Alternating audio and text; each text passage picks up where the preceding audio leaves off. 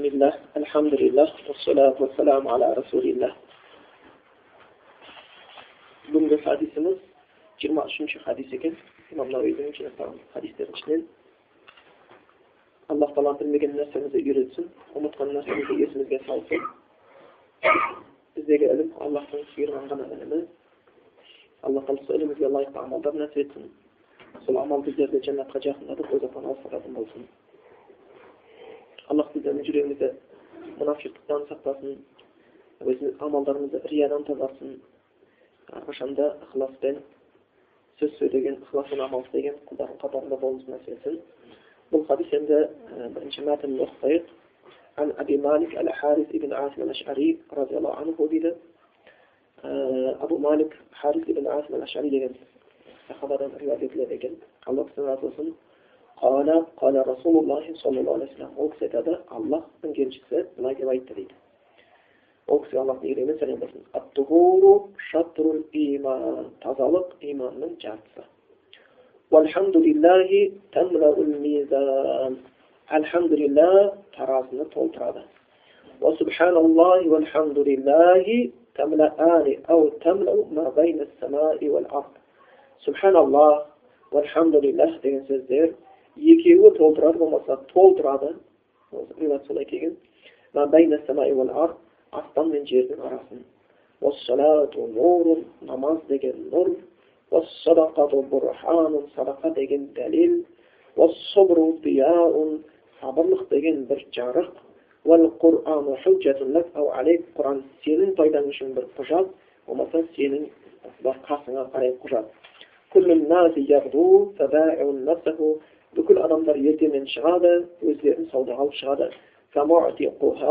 біреулер оны құтқарып алып шығады өзін өзі біреулер болмаса өзін өзі құртады дейді бұны имам муслим риуаят еткен екен енді осы хадиске біраз аллахтан жәрдем сұрайық тоқталып өтейік енді бұл хадисті риуаят етқан абу малик әл харз ибн асм әл ашари көбінесе абу малик әл ашари деген есімнен танып кеткен болатын өзі ашарилерден оқылады бұл йеменнен келген мұсылманшылық қабылдағандар болатын өзі ашарилердің бір ерекшелігі бұлар құранға қатты көңіл бұрған сосын құранды өте көркем оқитын еді бір хадисте келеді пайғамбарымыз айтады ашарилердің қайда екенін дауыстарынан тауып аламыз дейді әбден құран оқып жүретін болған үйінде болса құран оқиды жүрсе құран оқиды ол да құран өте әдемі оқып бұл абу малик әл ашари бұл бөлек өзінше сахаба екен бұл да сол емен екен мұсылманшылықты қабылдаған пайғамбармен бірге жорықтарда болған кезі бар сосын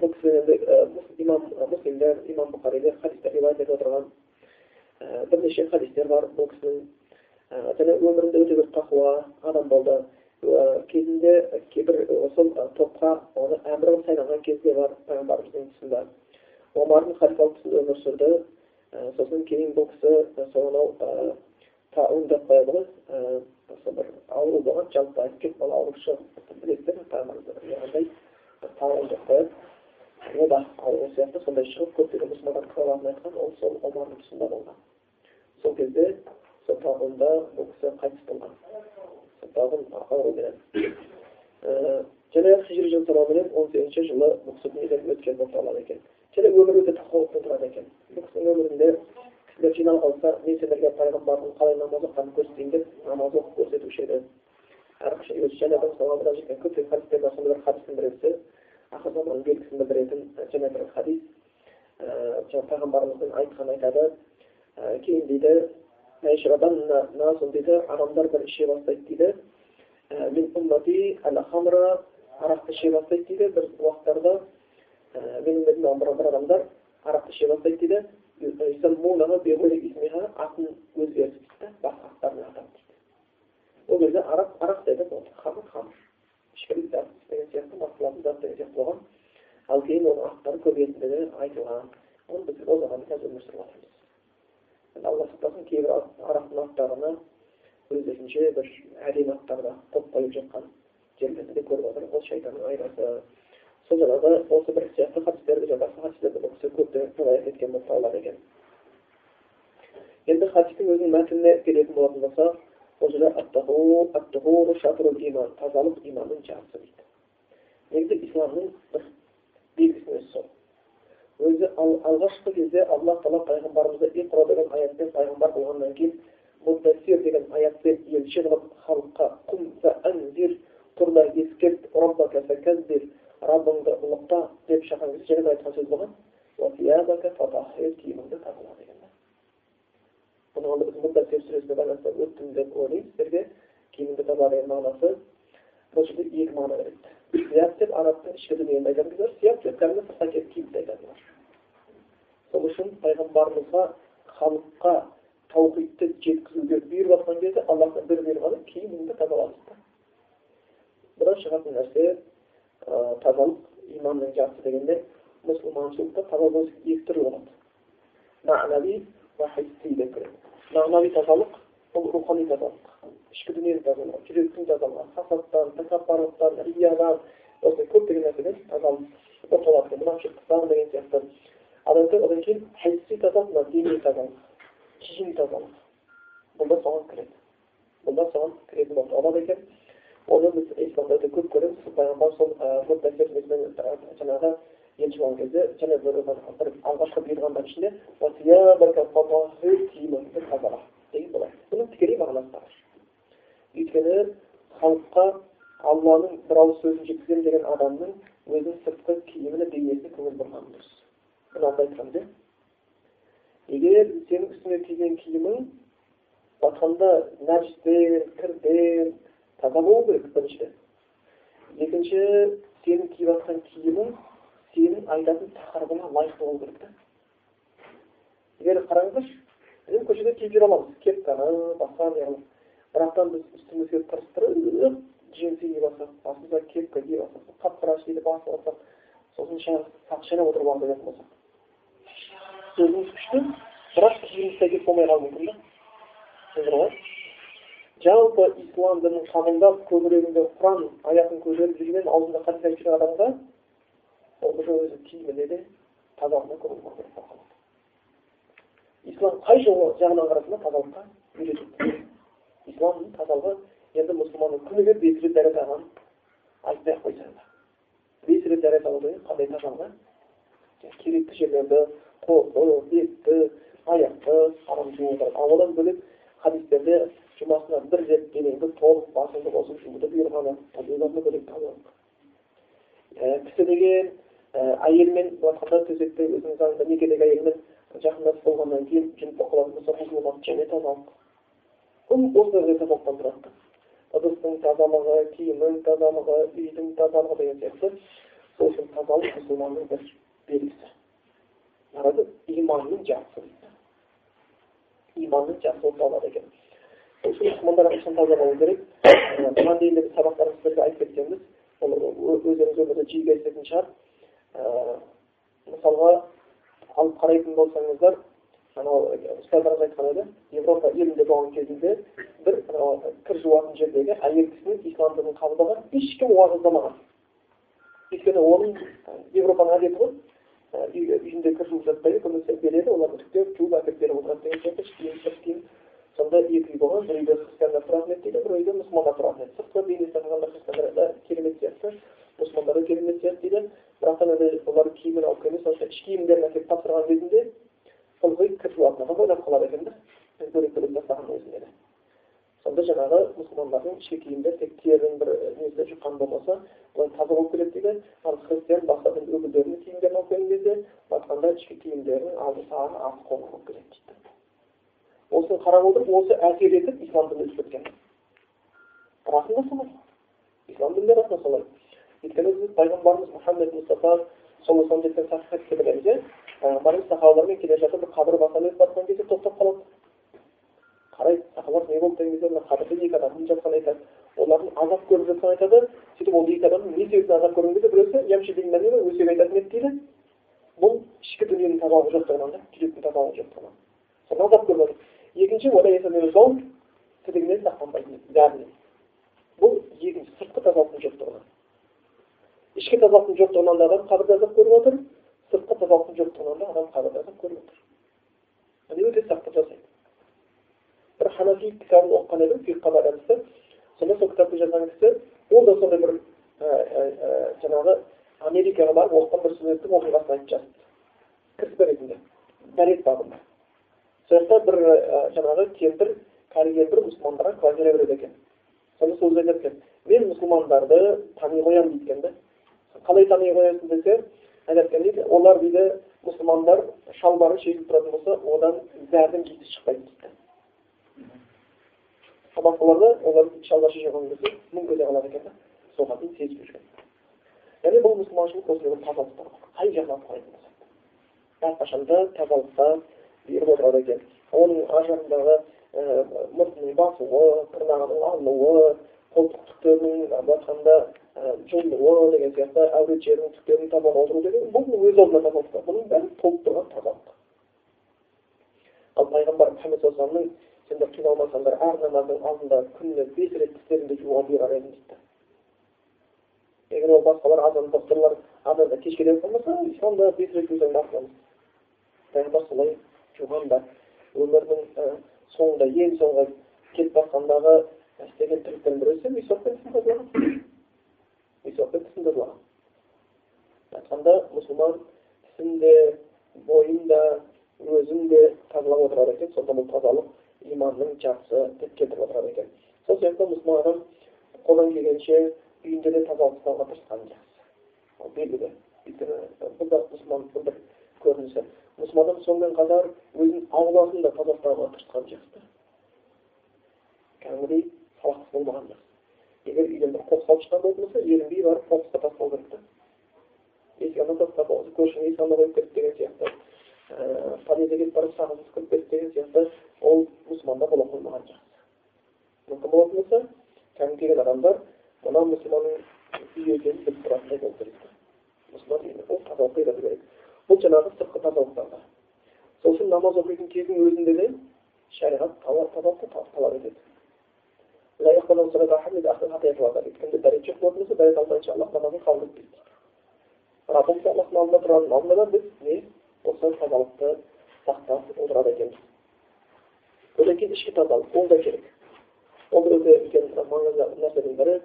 Өйткені біздің өзіміздің бір жақсылыққа жетуіміз өзіміздің өзгеруімізге тікелей қатысты аллах тағала ешбір қауымның жағдайын өзгертпейді олар өздерін өзгертпейінше аллах сендердің ішкі дүниелеріңді біледі дейді болмаса хадисте келген сияқты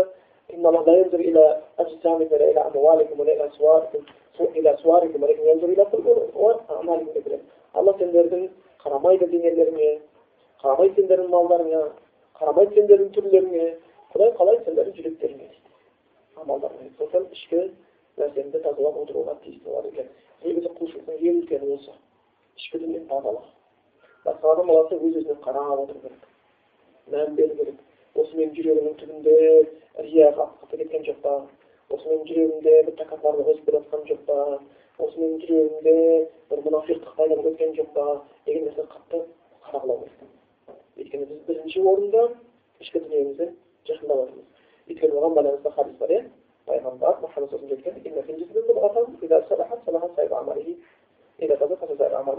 деген сияқты адам денесі бір кесек ет бар ол ет түзелсе бүкіл ісі түзеледі ол кесек ет бұзылса бүкіл ісі бұзылады адам ақиқаттан бұл жүрек дейді егер жүрегіміз таза бола алатын болса онда сөзіміз көзіміз өзіміз тұс тұсымыз дұрыс болмақ дейді жүрек бұзыла бастаса сөз де біліне бастайды екен бұл сөздегі тазалық жатқаны сыртқы тазалықты да ішкі тазалықты да қамтып отыр енді тазалық жаңағы осы иманның жақсы дегенге ғалымдар және дәлел ретінде келтіреді міне амалдың иманға кіретіні дәлел дейді да өйткені дәрет алу тазалық ол амал дұрыс киім тазалықтау ол амал ол амалға кіретін нәрсе иманның жартысы деп айтады сондықтан осы жаңағы муржия ақидасы сол амалды кіргізбейтіндерге қарсы дәлелдеп түсіндіреді екен осы хадисте келген сөздерді енді келесі жалғанда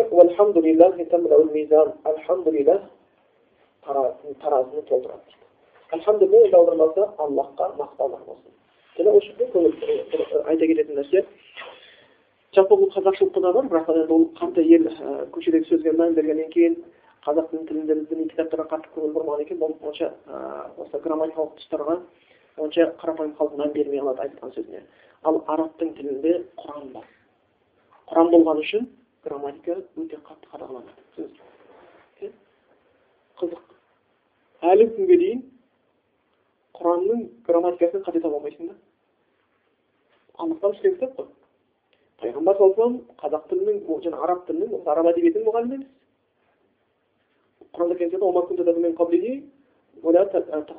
сен саған құран түскенге дейін кітап оқыған да емессің қолыңмен жазу жазған да емессің дейді бірақ құран аяты түсті қателік жоқ қазір он қазақ отырып бір шығарма жаздырсақ бесте беске жазатын біреу болуы мүмкін да дұрыс па өтірігің дұрыс қоймауы мүмкін бастауыш баяндауыш пысықтауыш дұрыс келмей қалуы мүмкін сол күйінде алысқа бармай ақ мен ә, медина қаласында оқып жүрген кезімде ә, қазақ тіліне бір ә, кітаптар аударыла бастаған екен балалар аударды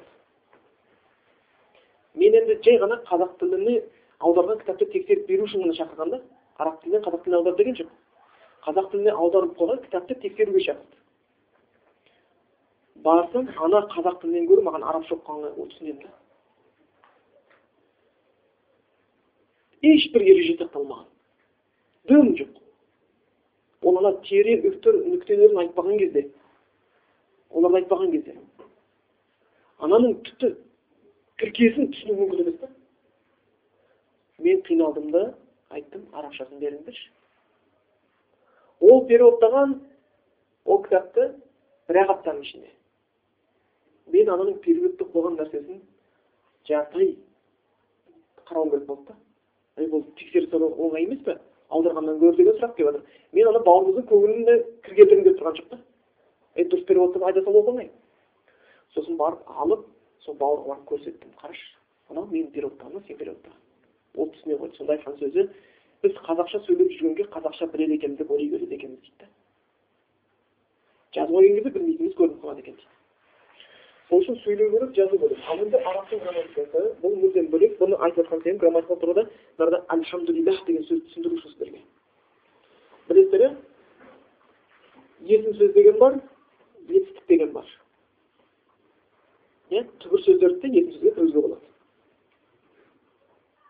мысалға есім сөз дегеніміз не қазақтың тілінде аттағы таулар иә мысалы адамның қаланың жердің судың кім не деген сұраққа жауап беретін сөз ал етістік дегеніміз іс қимыл дұрыс па етістіктер не істеді не істеп жатыр яғни жүрді тұрды бұл етістік тау ағаш сиыр қой бұл есім сөз тура сол сияқты арабта да осылай бар деп қояды осылай бөледі енді араб тілінің грамматикасында мынандай бар. Етістік ол дейді не нәрсеге көрсетеді дейді? Тәжәддуд бір жаңалықтар қайта қайта бір істеліп істер. Ал есім болса субут табандылық қалған дүние. Енді қараңыздар біз фатиха сүресін оқығанда мынаны айтып альхамдулилля альхамдулилля альхамдулилля альхамд түбір сөз есім сөз. Мақтау етістік қылып айтатын болсам ахмадуллах нахмадуху мақтаймыз мақтап жатырмын есім сөздің дәрежесі етіс сөзден жоғары болады мен ахмадуллах десем аллахты мақтап жатырмын осы кезде мақтап жатырмын ал альхамдулиллах деген сөз мен өмір бойы мақтаймын тоқтаусыз түсіндіңіздер ғой мен мақтаудан шаршамаймын менің мақтауым әрдайым болады деген мағынада бұл жерде келіп жатыр альхамдулилля аллахқа мақтау деген сөз таразыны толтырады дейді таразы бұл қияметтің күніндегі амалдарды салынатын таразыға айтып жатыр енді осы жерде біз қарағанымыз қараса альхамдулилля ол сөз мағынауи нәрсе зат емес қой яғни ол таразыға ол сөздердің амалдардың ықыластың түсетіндігі айтылған тіпті таразыға адамдардың өздері де кішкенеде абдулла ибн масудтың ана аяғы жіңішке жіңішке болып талға шыққан кезде сахабалар күлген кезде пайғамбарымыз күлуден тоқтатқан. Сөйтіп не деп айтқан?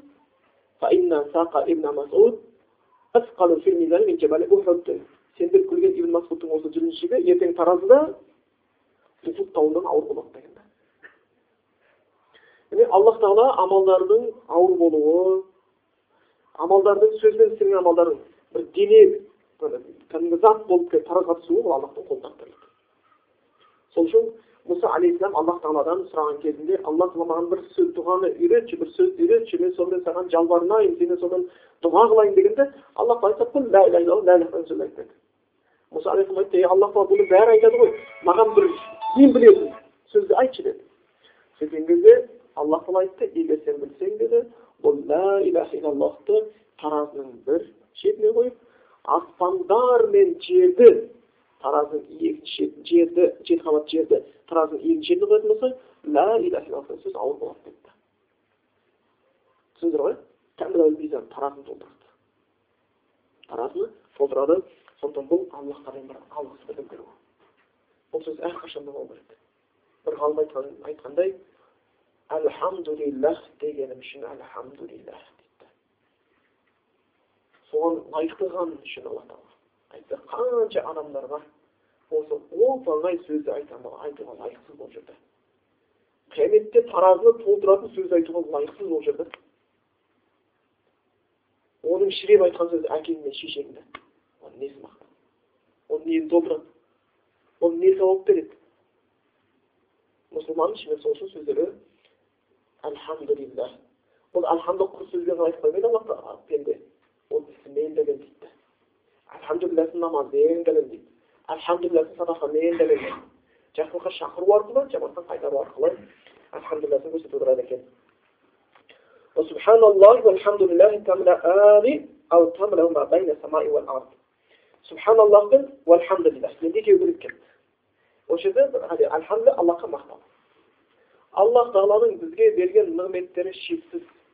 Біз ол үшін мақтауды айтып бітіре алмаймыз мүмкін емес. Алла тағала сондай кәміл сипаттардың иесі бізге ешқандай нығмет бермесе де ол мақтауға лайықты да. Бірақ бізге осындай сансыз нығметтер бергеннен кейін қалай мақтауымыз керек? Ойлаңыздаршы. Дәуд алейхисалам айтқан сияқты е аллах тағала мен саған ғибадат қылдым деп айтуға ұяламын өйткені сен маған денсаулық бермесең қалай ғибадат қыламын дейді мен сенің жолыңда садақа бердім деп айтуға ұяламын егер сен бермесең қалай садақа беремін дейді. Кей кезде болады ғой бір? Дінесі бар адам неғып қалады. Осы елдер мені ақша керек болған кезде есіне алады әшейінде еске алмайды деп. Ондай болмайды. Деп айтуың керексің адамдар сенен көмек сұрап жүргенде саған келіп алақан жайғанда. Аллахқа ешбір қиын емес сенің алақаныңды біреуге жайғызып қоюға. Бере алмасаң жақсы насихатын айт та шығарып сал жылап дейді. Сұраушыға дейді. Сонда жоғарғы қол төменгі қолдан жақсы дейді. Яғни беруші қол алған қолдан жақсы дейді.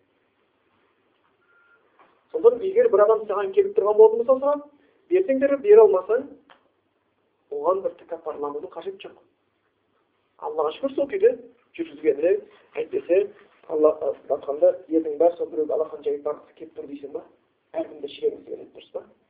Әркімде шірегіңіз келеді. Сол үшін қазақта мақал айтқан сияқты ақшаң болса қалтаңда қалтаңдасаң қалтаңда ақшаң жоқ па? Қалтаңда жалтаңдасаң жалтаңда сол күйінде енді бұл жерде альхамдулилля бізге құдайдың берген нәрсесінің нығметі көп оларды еске алғанда альхамдулилля аллах ұлықтығын алған альхамдулилля ал енді субханаллах деген сөз алла пәк кемшілік жоқ аллахтың есім сипаттарында кемшілік жоқ аллахтың жаратқан жаратылысында кемшілік жоқ аллахтың бізге жазған тағдырында кемшілік жоқ аллахтың ешбір ортағы жоқ деген мағына субханаллах деген адам бұл сөзді айтқан адам аллах қана ғибадатқа лайықты басқа нәрсеге сыймаймын деген жанда сөз жатыр да өйткені аллахқа ортақ қосу аллахты танымаушылық аллахқа кемшілік танығандай тыққандай болып қалады да болып қалады екен сондықтан бұл осы сөз альхамдулиллах субханаллах пен альхамдулиллах сөзі екеуі толтырады болмаса толтырады деп келген енді кейбір ғалымдар түсіндіріп осы сөздің біреусі толтырады болмаса екеуі де толтырады деген сияқты бірақ кейбір ғалымдар да айырмашылық дейді осы субханалла альхамдулиллах деген сөздер бұл дейді аспан мен жердің арасын толтырады дейді аспан мен жердің арасын толтырады қандай үлкен сауап бар ал аспан мен жердің арасында ойлаңыздаршы қандай нәрсе ол үлкен дүние ғой дұрыс па бір жер менен бірінші хан аспан арасы деген сияқты бес жүз жыл жүру керек дейді ол өте ұзақ нәрсе оның келесі аспан тағы да кетеді тағы да кетеді сонда өте үлкен нәрсе. Сонда адам баласы шын жүрегінен ықыласынан аллахтың ұлықтығын танып отырып аузынан субханаллах альхамдулиллах деген кезде аспан жер толтыратын сөз айтып отырмын. Қияметте тарасын толтыратын сөз айтып отырмын. Бұл сөзді құр шықпау керек. Айтады алла деген сөз жеңіл аллаға ауыз жол емес ынталы жүрек шын көңіл өзгесі қорқақ қол емес дейді. Мына жақтан шығу керек та мына жақтан шығу керек кәдімгі жүректегі ықыластың қатысуыменен болып отыру керек екен ал намаз ол нұр дейді намаз ол нұр деп келеді екен енді намаз бабында біз өте көп айттық оны қанша айтсаң да артық болмайды бұл иманның үлкен бір көрсеткіштерінің бірі тіпті құранда намазды иман деген атымен атаған жер бар иә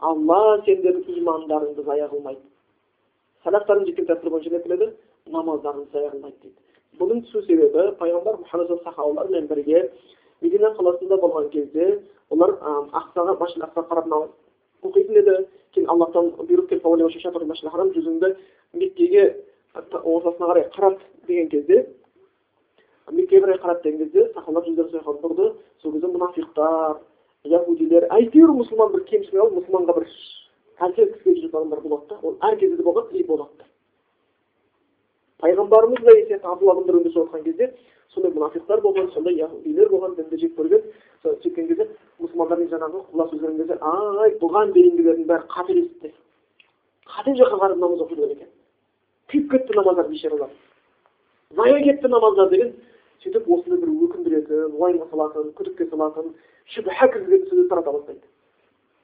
аллах араша болып айтады да аллах олардың иманын зая кетірген жоқ намаз деп айтпайды имандарың деп тұрып айтады да намаздың бір аты ол иман намаздың және бір не сипаты ол нұр ол жарық болып келеді екен шынымен бұл намаз оқығаннан кейін адамның ол жүзіне бір нұр кіреді намаз оқығаннан кейін адамның санасына нұр кіреді намаз оқығаннан кейін адамның жүрегіне нұр кіреді намаз оқығаннан кейін ертең қабірінде нұр болады да намаз оқысаң ертең қыл көпірден өткен кезде сырат көпірден өткен кезде нұр болады құранда келеді يوم ترى المؤمنين والمؤمنات يسعى نورهم بين أيديهم وبأيمانهم қияметтің күнінде көресіз таразы өткен кезде мұсылман ерлер мен мұсылман әйелдерді олардың нұрлары алдары мен оң жағынан кетіп бара жатады дейді осы амалдарына намаздар яғни ол нұр болады ертеңгі күні сондықтан бұл кімнің нұрым көбірек болсын десе намазына көп ықтият көңіл бұру керек көп ықтият болу керек ертең өткен кезде біреудің нұры бармақтың ішіндегі шаң құсап өтеді да аяқ астын жорға дегенде көріп айтады сүрініп кетпей құлап кетпейін деген сияқты ал біреудің нұры кішкене арып жүретін жолын көрсетеді біреудің нұры кеңірек болады біреудің нұры қазманда тура төбесінен күн шыққандай жап жарық қылып жібереді да сол үшін неғұрлым нұрың көп болсын десе соғұрлым намазды ықыласпен оқу керекті болып қалады екен бұл жаңағы адамның жүзіне нұр береді намаз деген нәрсе әсер етеді бір нәрсені біліңіздер бізге біздің ішкі дүниеміз ықыластарымыз бенен сыртқы істеп жатқан жақсы істеріміз ол бет әлпетімізге әсер етеді қазақта мақал бар ғой түсі игіден түңілме дейді яғни түсі игі түсіне қарап ішкі дүниесіне баға беретін болған қазақ түсіндіңіздер ма кигіден түңілме дейді мысалға абдулла ибн салам пайғамбар мединаға келіп насихат қылған кезде сол естіп пайғамбар келдім дейді да қарам дейді да оның жүзінде өтірікшінің жүзі жоқ дейді өтіріктің белгісі жоқ дейді өтірікшінің жүзі емес дейді сөзін тыңдайды өзіне қарайды айтып жатқан сөзі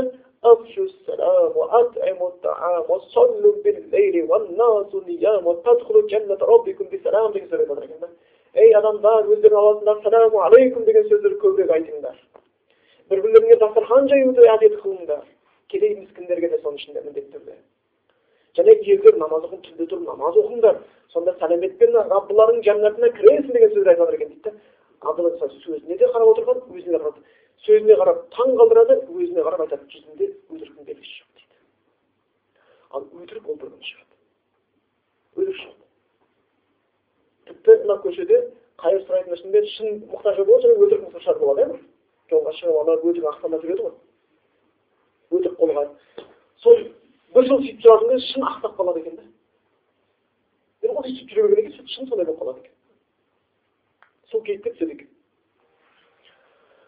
енді бұл жерде қарасақ намаз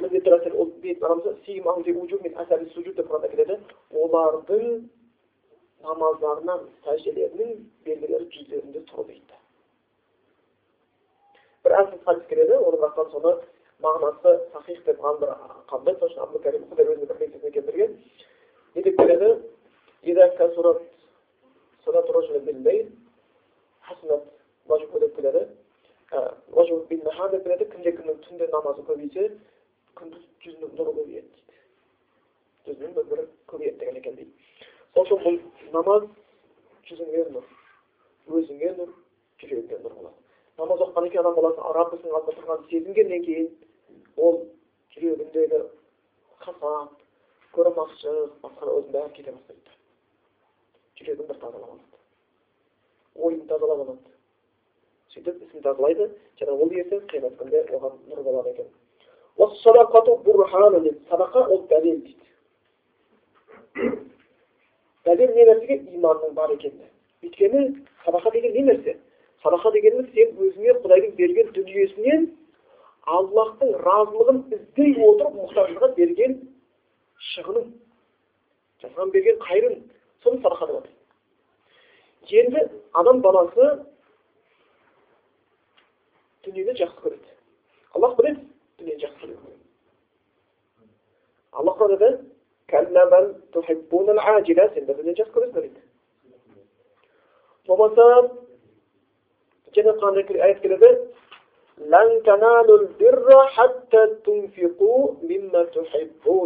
жақсы көрген нәрсеңнен садақа бермейінше жақсылыққа жете алмайсың дейді біліп тұрды сахабалардың өзі айтады дүниені қалап тұрғандар бар дейді яғни адамның табиғатында дүниеге деген махаббат бар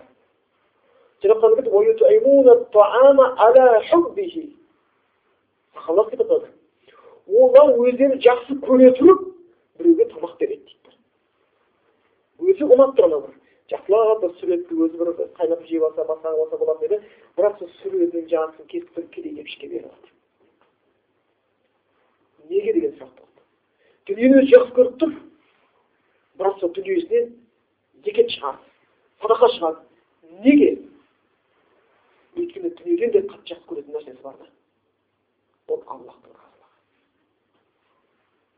дүниеден де қатты жақсы көретін нәрсесі бар оның ол жәннатқа кіру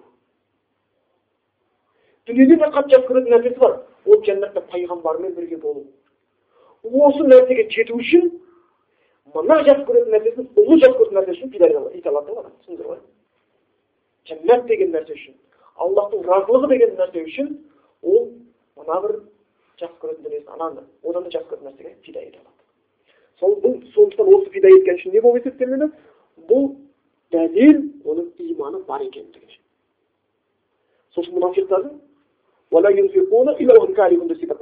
мұнафиқтар садақа бермейді дейді береді енді ана анау біреу соңынан желкелеп болса жоқ а деген жек көреді береді да ал мұсылман адам рахаттанады өйткені ол беріп жатқан жоқ ол алып жатыр да оның алып жатқан нәрсесі беріп жатқан нәрсесінен көп болайын деп тұр пайғамбар мұхаммед үйіне келсе оның жатқанда семьясы бір қойды сойып таратып жіберді пайғамбардың жомарттығын сұрайды сендер бүгін не істедіңдер бір қой сойдық не істедіңдер оны тараттық несі қалды бір жауырыннан басқа дым қалмады дейді пайғамбар жоқ дейді жауырын бізге қалған жоқ таратқаның бәрі бізге қалды дейді өйткені қалған нәрсені жесең түседі таратқан нәрсе кетіп қалмайды. Ол жеген нәрсең дәретханаға түседі таратқан нәрсең таразға түседі да қияметтің сол үшін оны мысалы көп болады. Және бір дәлел садақа беру иманның бар екенін дәлел болып табылады екен. Енді уақытымыз жақындап қалыпты соны аяқтай салайын имам шафиғи өзінің бір мысалы жазып кеткен осы иманға байланысты кітаптарында жазып кетеді сол садақаны зекетті не иман иманның өсіп келе жатқанын белгісі адам зекет бере бастағаны садақа бере бастағаны оның иманы өсіп келе жатыр деген сөз ал сараңдық пайда болса да оның иманы өшіп келе жатыр деген сөз алла сол үшін құранда не айтқан кім өзінің сарандығынан өзін сақтаса қорғап қалса олар салахқа жетеді бұған да салах айтқанбыз неге салах бүкіл қалаған нәрсеге жетеді сосын сахабалардың бірі бір табиғинмен бірге табиғин сахабадан қандай дұға айтады екен деп үйреніп алайын десе бүкіл жеті дауыста айтқан бір дұғасы жаңағы раббана атидадан бөлек алла мені осы сараңдықтан сақташы алла мені сараңдықтан сақташы алла мені сараңдықтан сақташы ана таң қалып қалыпты дұға айтпадыңыз ғой депті бұл керемет дұға депті егер сараңдықтан сақ болсаң бүкіл жақсылық сенікі дейді құдай сөйтіп айтты сол үшін сол бүкіл жаққа жету үшін мына бір титтей жамандықтан құдай мені сақта деп айтып жатырмын дейді. Сол үшін садақа бұл дәлел болады иман бар екеніне сабырлық бұл жарық дейді. Осы жерден бір нәрсе айтып кетейік араб несінде араб сөзінде нарун деген сөз бар ол от. Нурун деген сөз бар ол нұр нұрлы нұр айтамыз. Дияун деген сөз бар ол жарық. Бірақ құр жарық емес жарық дейді. Мысалы күнді құранда өйткені одан не ыстық келіп тұрады осы сияқты өзінің атаулары бар әрқайсысының мына жерде намазды нұр деп тұр да ол жарық ал сабырлықты ол дия деп тұр құр жарық емес ол өйткені сабыр қылу оңай емес күйдіреді күйдіреді намазда рахаттану мүмкін бірақ сабырлық күйдіреді сондықтан оны шыдау керек кәдімгідей күтіп баратын кезде құр жарық емес екен. Сонда енді сабырлықты оны ғалымдар түсіндірген оны үшке бөліп те түсіндірген сабырлықтың ең маңызды нәрселердің бірі ертең жарыққа кірген кезде де мысалы аллахтың жәннатта қарсы алатын періштелері жақсы қарсы алған кезде не деп айтады? Алейкум бима деген сөзбен қарсы ал сендерге сәлем болсын аллахтан сабырлық қылғандарың үшін дейді. Кімде сабырлық көп сода көп кімде сабырлық аз ода проблема көп әйелдің сабырлығы аз ба еркектің сабырлығы отбасында проблема достың сабырлығы аз ба арада қарым қатынас қиын ердің сабыры аз ба ол бірдеңе шығады сабыр әйтеуір алып шығады қазақ бекер айтқан сабыр түбі сары алтын деп қояды да сол жетеді да алтынға сол жаққа жетеді сабырлылық ол бәрін бүлдіреді сабырсыз қалар ұятқа дейді сабырлы жетер мұратқа дейді сонда бұл сабырлық өте керек нәрсе оны үшке бөліп түсіндірген ғалымдар бірін айтады аллахқа ғибадат жасау кезіндегі сабырлық дәрет алу үшін сабырлық керек таң намаздан тұрып ұйқыны қию үшін сабырлық керек иә ғибадат кезінде келесің достарың келіп қалды әңгімелесіп керемет бір қызып сөйтіп намаз оқып келіп қалды досыңды әйеліңді әңгімелесіп жатқан бала шағаңды қоя саласың да барып намаз оқып аласың бір жерден келдім да бір далаға шықтым бір футбол ойнап жатырсың қызып енді қыза бергім келіп намаз оқып келіп қалды оқып өткен күн тас етіп намаз аласың бұл сабырлық санаусы керек. Жоғары қойдық осы үшін сауап екінші сабырлық екінші түрі болмаса харам еткен нәрселерден сабыр ету. Істемейді адам зина жасағысы келіп тұр. Ойына келіп жатыр бірақ та бұл жерде қалып кетті бір қыз баламен. Жеке қалды одан бір әдемі иіс шығып ол қарап қалса жымиып қалады. Мынау деген сәл ойланып қалады. Не істерімін ары кетті бері кетті шайтан деген ой неше түрлі ойлар ей ширкке батқан құдай кешіреді. Ештеңе жоқ ей ешкім көріп тұрған жоқ ей ей деп тұрып барады қосып барады қосып барады сол кезде тұрды астағфиралла деп күнә жасамай сабырлы бас тартты сауап жазылады және ол сондай сауап жазылады. Ертең қиямет күні жеті адам болады аллахтың аясында саясында соның біреусі болады мына заман фитна өте үлкен фитна мына заманда юсуфтың қасиетіне ие болатын мұсылмандар көп керек та. Юсуф сияқты маазалла маазаллах деп қашатын жерлер қазір көбейді да алла панаң ал мені алла панаң ал деп айтатын нәрсе өте көбейді. Өйткені қазір шынымен де қарап тұратын болсақ алла сақтасын шайтан мен жынның шайтаны шайтаны бүкіл айланы істеп біздің былай айтқанда әйел заттарын бәрін шешіндіріп тастады да дым алған жоқ. Тырдай жалаңаш көріңіздерші тырдай жалаңаш алла сақтасын қандай күйге түсірді соларды сондай күйге түскен жалаңаш әйелдерді көрмей оның үстіне шайтандар құр қоймастан енді киінген әйелдерге тиісіп жатыр да аллах панасын алсын орамалын тағып кең киген әйелдерді олардың басындағы құр орамалмен сол жихадтың жалауында иіскетті мына заманда сол үшін бұл сабырлық бір ол жарық сияқты бұдан кейін сабырлықтың үшінші бір түрі ол тағдырға сабыр ету тағдырында ауырып қаласың сабыр ет. Тағдырында кедей болып қалуы мүмкін сабыр ет. Тағдырда өлім көруі мүмкін сабыр ету керек неше түрлі нәрсе болуы мүмкін. Тағдырында дұшпаның үстіңе үстем болып тұруы мүмкін сабыр ету керек. Тағдырын болса қамалуы мүмкін сабыр ету керек. Сонда осы үш сабырлық келеді ол сабырлық адам баласы өмірден өтеді. Сол үшін жәннатқа барған кезде оны періштелер қарсы алғанда салам сендерге сондай бір аллахтың тыныштығы болсын сабырлық қылғандарың үшін деп қояды екен. Соңғы несі екі несі қалыпты? Біріншісі дейді. Құран дейді. Сенің пайдаң үшін құжат болмаса сенің қасың үшін құжат дейді. Құран деген кітаптың түскені уже дәлел болды. Құран аллахтан құран деген кітап келді деген сөз мұсылманға да кәпірге де ойлануға жеткілікті мұсылманға құлшылығын күшейтуге кәпірге күпірлігінен бас тарту үшін жеткілікті. Болды ертең құжат түсіп қойды білмей қалдым деп құтыла алмайсың сұрады құран дейтін кітап түспеді түсті неге оқымадың сұрақ аллах кәпірлерге айтқан. Неге Құран аяттарын ойланбайды деп оқуға айтырсың. Ам аля құлыбин ақбалыға жүректе құлыптанған бар. Жүректе құлыптар бар ма дейді. Құран түсі деген уже құжат келіп қойды деген сөз. Алла Құран таби ай хадисин бa'да ю'минун. Құраннан кейін енді сендер не нәрсеге сенгілерің келіп тұр дейді. Не күтіп отырсыңдар дейді. Иман келтіру үшін енді не күтіп отырсың дейді. Енді сен ай екіге бөлініп, күннің екіге бөлінгенін күтіп отырсың ба? жоғда таудың артын айналып кеткенін күтіп отырсың ба жоғда періште мен дастархан ашып кеткенін күтіп отырсың ба не күтіп отырсың енді болды құдайға иман келтіру үшін мен бүйтетінмін деп шарт қоюға сенің хақың жоқ уже болды құран келіп қойды. Сен құранды оқыған жоқсың түсінген жоқсың енді саған бір әңгіме сұрап сол үшін осы құран біреуге ертең дәрежесін көтереді. Оған жәннатқа кіруіне дәлел болады. Ал біреуге тозаққа түсуіне себепкер болады сол үшін құранды оны оқып айтады құран кімге пайда береді ертең егер құранда аятты оқыды намаздарыңды оқыңдар зекеттерін бер деп намазын оқып зекетін берді бұған құран пайда берді. Ол осы намаз оқып зекет бер деген аятты естіп бірақ намаз оқыған жоқ. Ол тозаққа түседі құран айтады бұл істеген жоқ дейді бұл хабар жетті оған намаз оқы деген оқыған жоқ дейді мен түсінбеймін ол кәпір кәпір деп жатқан жоқ намаз оқымайтын адамдарды діннен шығып кетті деп бірақ намаз оқымай жүруінен не нәрсе сезіп тұр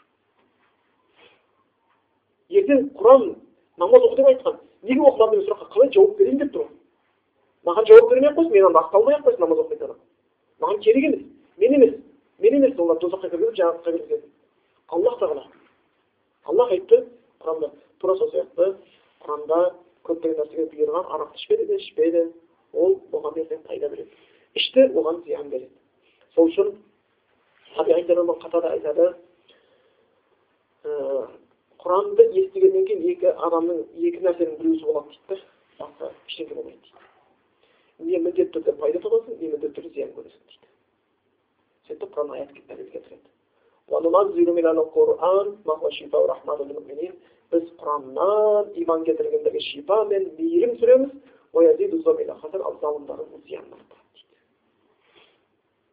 құран қалай зиян беруі мүмкін деген сұрақ болады құранның кемшілігі емес ол адамның кемшілігі өйткені құраннан оған ақиқат жетті істеген жоқ ол өзіне зиян жасады түсіндіңіздер ғой мысалға сахар деген ауырған адам болады ғой бал жемейді дейді да балдың кінәсі жоқ оның ауруы кінәлі да сосын біреудің зиянға ұшырауы тозаққа түсуі құранның кінәсі жоқ.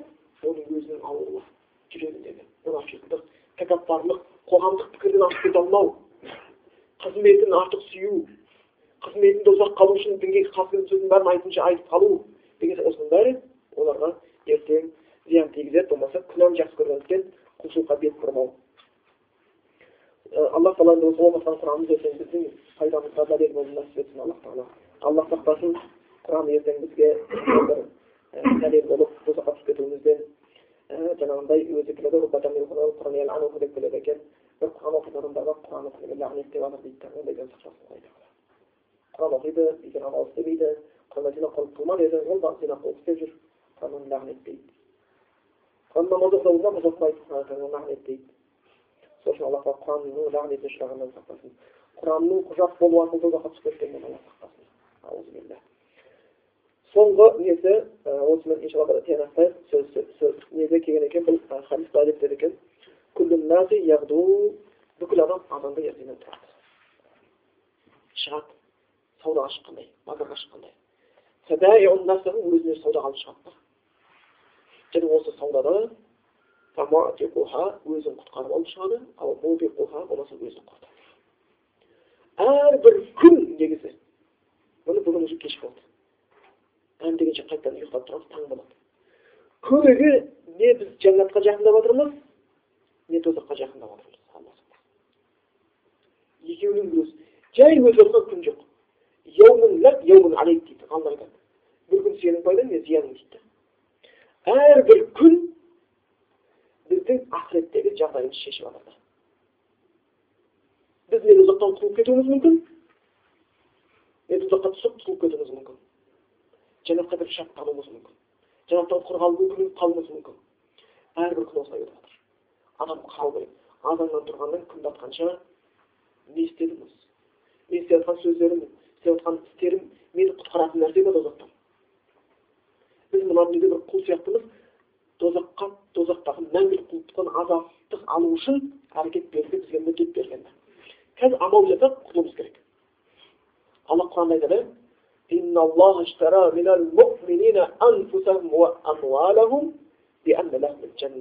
аллах тағала иман келтіргендерден сатып алды дейді несін дейді жанын сатып алды малын сатып алды не үшін дейді біз жанымызбен қиып нәпсімізді қиып намазға тұрдық біреу жанын аллах жолында қиып жіберді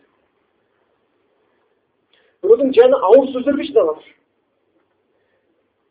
сарп қылып жатыр садақамен аллах дін тарату үшін қызмет жасады айтады мен олардың осы уақыттарын жандарын алып жатырмын малдарын алып жатырмын жәннат беремін дейді біздің ол тұрмайды негізі тұрмайды да біздің дүниеміз жәннат бірақ аллах сондай сауда қылып жатыр да жомарттығымен жомарттығымен беріп жатыр болмаса аллах тағала деген сияқты адамдар ішінде біреулер бар дейді аллахтың разылығын табу үшін өзін саудаға салады дейді. Сосын осы күніге барған кезде күніге аллахтың разылығы үшін өмір сүру керек. Өзінің нәпсін қанағаттандыру үшін емес. Дүниенің рахатына ғана емес. Алланың разылығын табу үшін өмір сүру керек болады екен. Сондықтан біз күніге өзіміз саудаға алып шығып жатырмыз. Одан біреу құдық шығып жатыр біреу ұзын шығып жатыр біреу өзін құтқарып жатыр біреу өзін құлдымға салып жатыр. Субханалла біз осы өмірде қысқа үстірек ұзақ көрінетін шығар. Алпыс жыл жетпіс жыл ұзақ өмір сүргеннің өзі орташасы алға жететін бар жетпейтін бар деген сияқты. Енді бір адамдар қырық жыл елу жыл алпыс жыл күніге саудаға шығып бір рет жәннат үшін сауда істемей өтіп кетіп бара жатыр да қандай өкініш. елуге келген біреу қырыққа келген біреу алпысқа келген біреу сексенге келген біреу әлі жәннатқа бір қадам бастаған жоқ күніге шыққан саудасында бір рет өзінің пайдасына ештеңе шешкен жоқ. Сол үшін кәдімгідей білуіміз керек бұл күндер артқа қайтпайды. Ол ертеңгі саудаға біз шыға аламыз ба? Шыға алмаймыз ол құдай біледі ертеңгі өміріміз бар ма жоқ па? Абдулла айтқан сияқты таң атырсаң кешке дейін өмірім бар деп алдама дейді. Өзіңді кеш батырсаң таңға дейін өмірің бар деп алдама дейді. Әрбір сауданың дұрыс нәрсені тепкізуге тырысуымыз керек. Аллах тағала біздерді кешірсін тура жолға бастасын қайырлы ілімдер нәсіп етсін. Аллах тағала біздерге осы құраннан ілім нәсіп етсін сол құранмен елге насихат жасаған құлдардан болуымызды нәсіп етсін аллах бізді өзімізді әке шешемізді бала шағамызды әйелдерімізді тозақтан сақтасын жәннатқа баратын жолдарын оларға жеңіл етсін сол жаңағы жақсы сөздер нәсіп етсін жақсы істер нәсіп етсін шайтан азғыруынан мына заманның фитнасынан бүлігінен дұшпандардың айдасынан баршасынан сақтасын